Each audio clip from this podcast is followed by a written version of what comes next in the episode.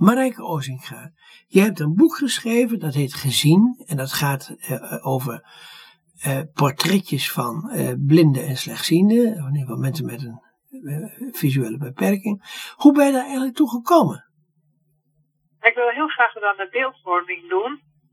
Um, mensen die, die hebben vaak een gekke idee van nou, wie ik ben en wat ik kan.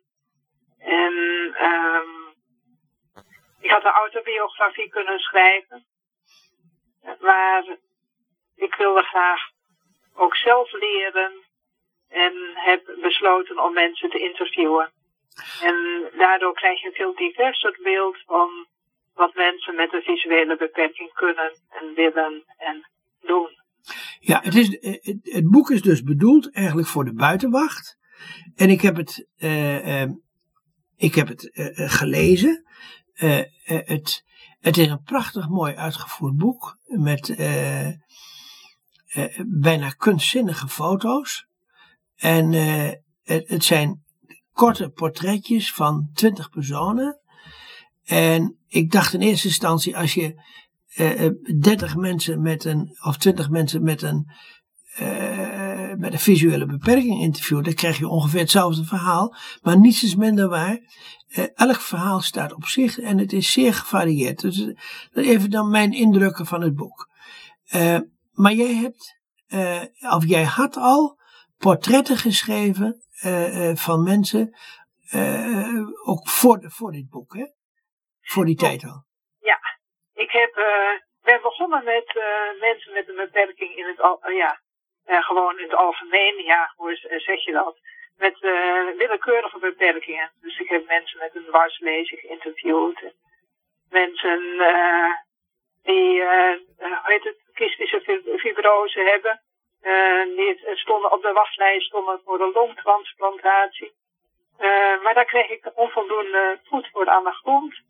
En toen kwam ik, werd ik actief in een oogvereniging met het lid van de ledenraad. Ja, ik, ik, ik wil even hier over die.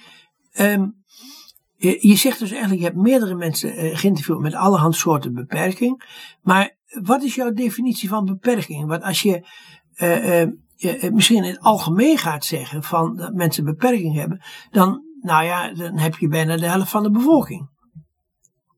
Ja, um, ja, nou een beperking, ja, een beperking is een betrekkelijk begrip.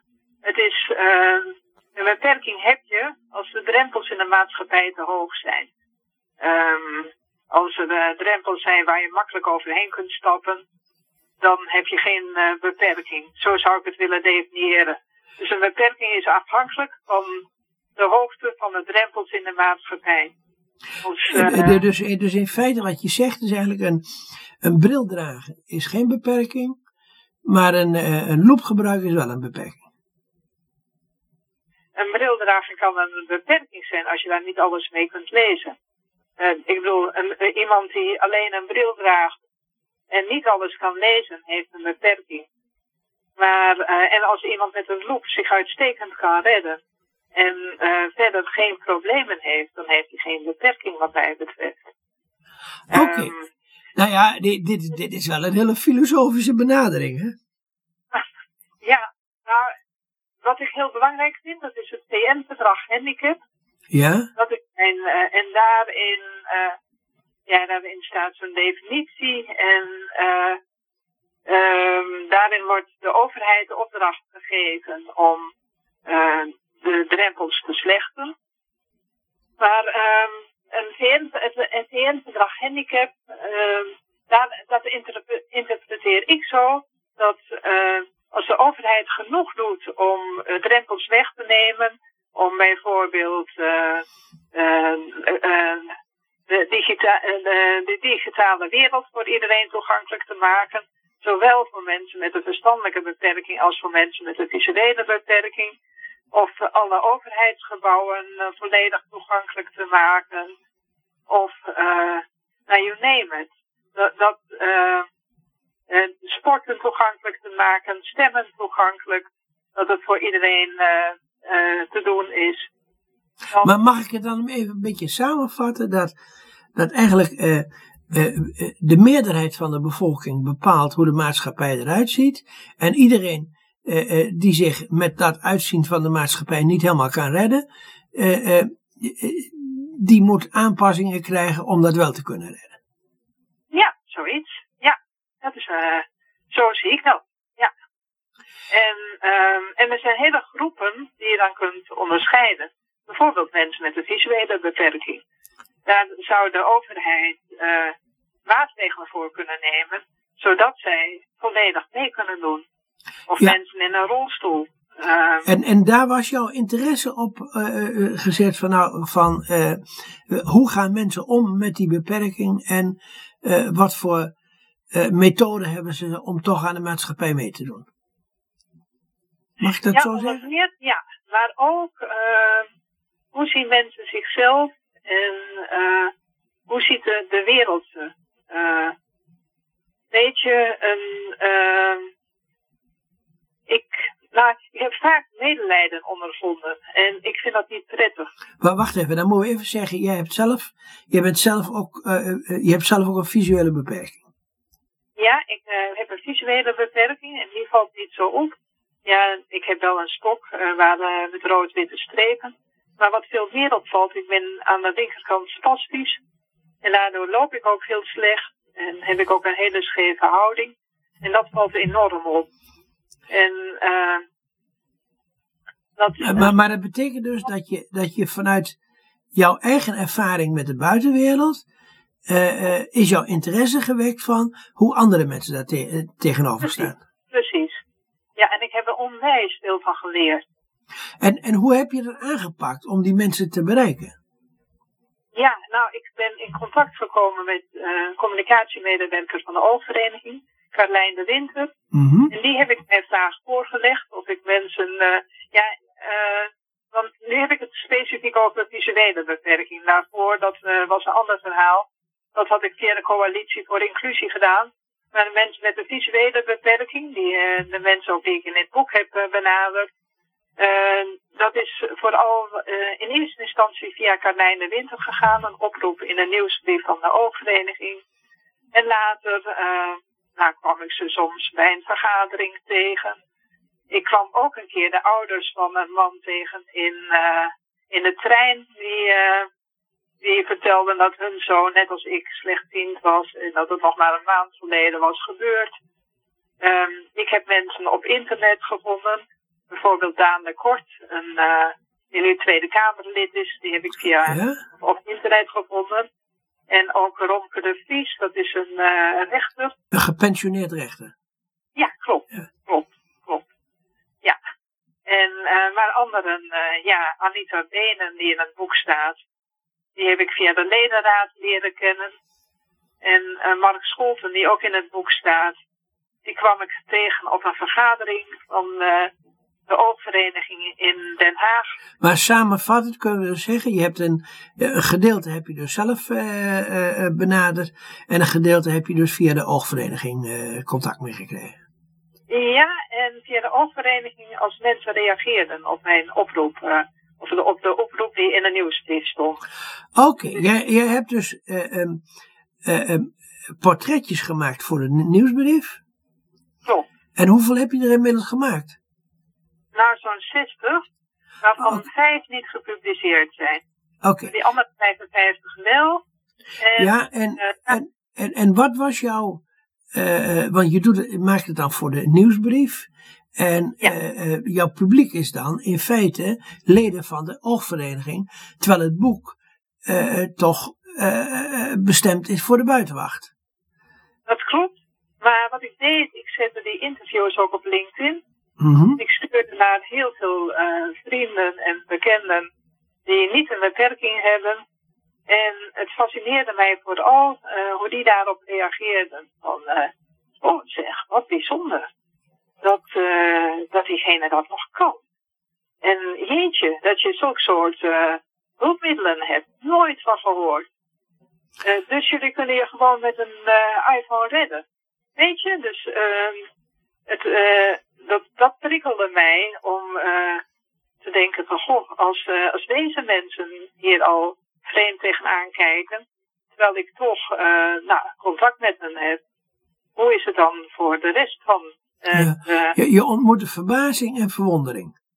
Ja, klopt, klopt. En ook, en ook wel bewondering en ook wel enthousiasme.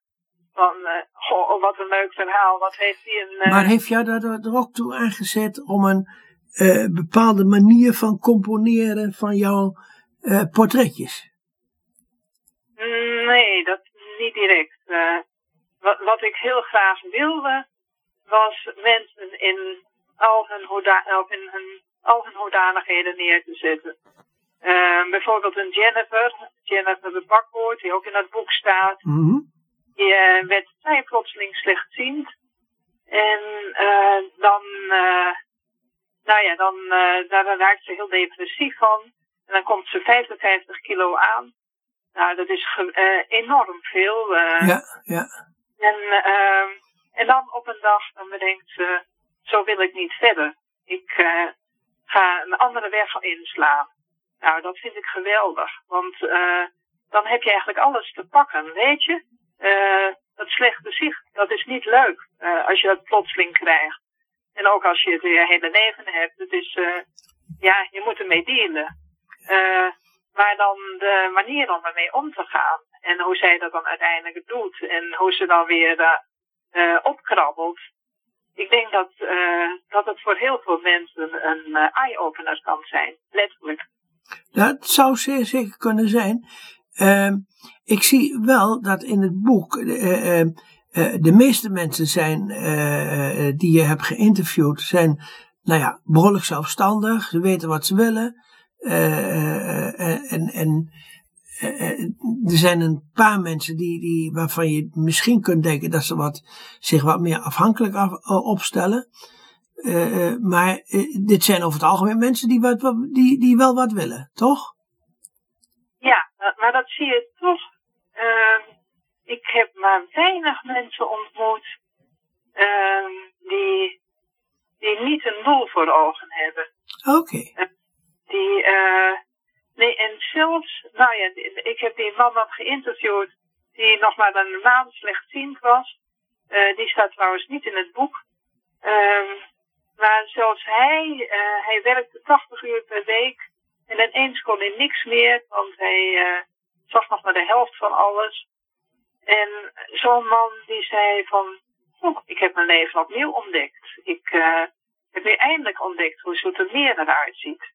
Weet je, dat, dat fascineert me. Dat mensen dan toch de vierkracht hebben en uh, de, uh, nou ja, de energie om nou ja, opnieuw hun leven in te richten. Ja, nu is wel de vraag van, uh, geldt dit voor de gehele populatie van mensen met een visuele beperking? Of heb je met name de mensen ontmoet die wat meer veerkracht hebben en wat meer uh, in het leven staan. En omdat die misschien wat meer assertiever zijn om, om ook meer te doen aan zo'n interview. Ja, dat weet ik niet. Dat, vind ik, uh, dat vond ik ook wel fascinerend. Uh, ja, ik ben een dag in het Low-erf geweest. Daar heb ik ook iemand aangesproken. Die heb ik ook geïnterviewd. En toen dacht ik, nou ja, in het Low-erf.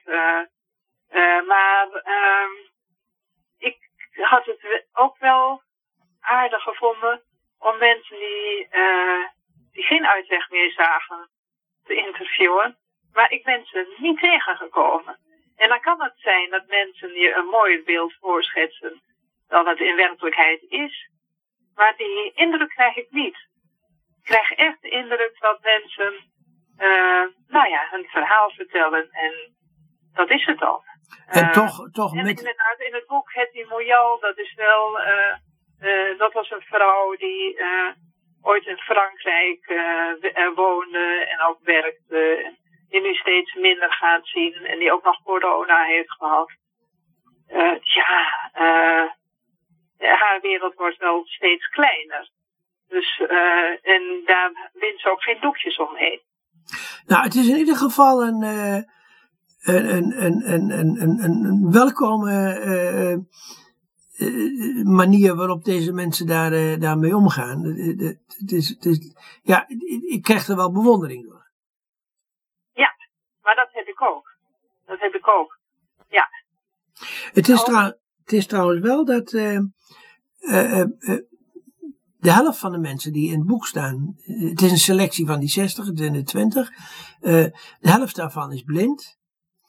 En ja, de oogvereniging wil natuurlijk een oogvereniging zijn voor zowel slechtzienden als blinden. En ja, mijn vraag is dan eigenlijk van, ga je, de, ga je het volgende boek aan slechtzienden wijden? Ah, dat weet ik nog niet. Ik, uh, ja, ik vind het wel prettig om weer te schrijven, maar ik weet nog niet waar ik het aan ga wijden. Oké. Okay. Uh, eventjes, uh, waar is het boek te koop? Bij zorgboeken.nl. Bij zorgboeken.nl, ja. En, en het komt binnenkort ook in passend lezen, wel de bedoeling, ja. Oké. Ja. Uh, ik wens je daar heel veel succes mee en ik hoop dat je nog veel meer schrijft, want uh, het is boeiend om te lezen. En uh, mag ik jou heel erg hartelijk danken voor dit interview. En jij bedankt dat je me de mogelijkheid hebt gegeven om het verhaal te doen. Hartstikke oh. leuk, dankjewel. Graag gedaan.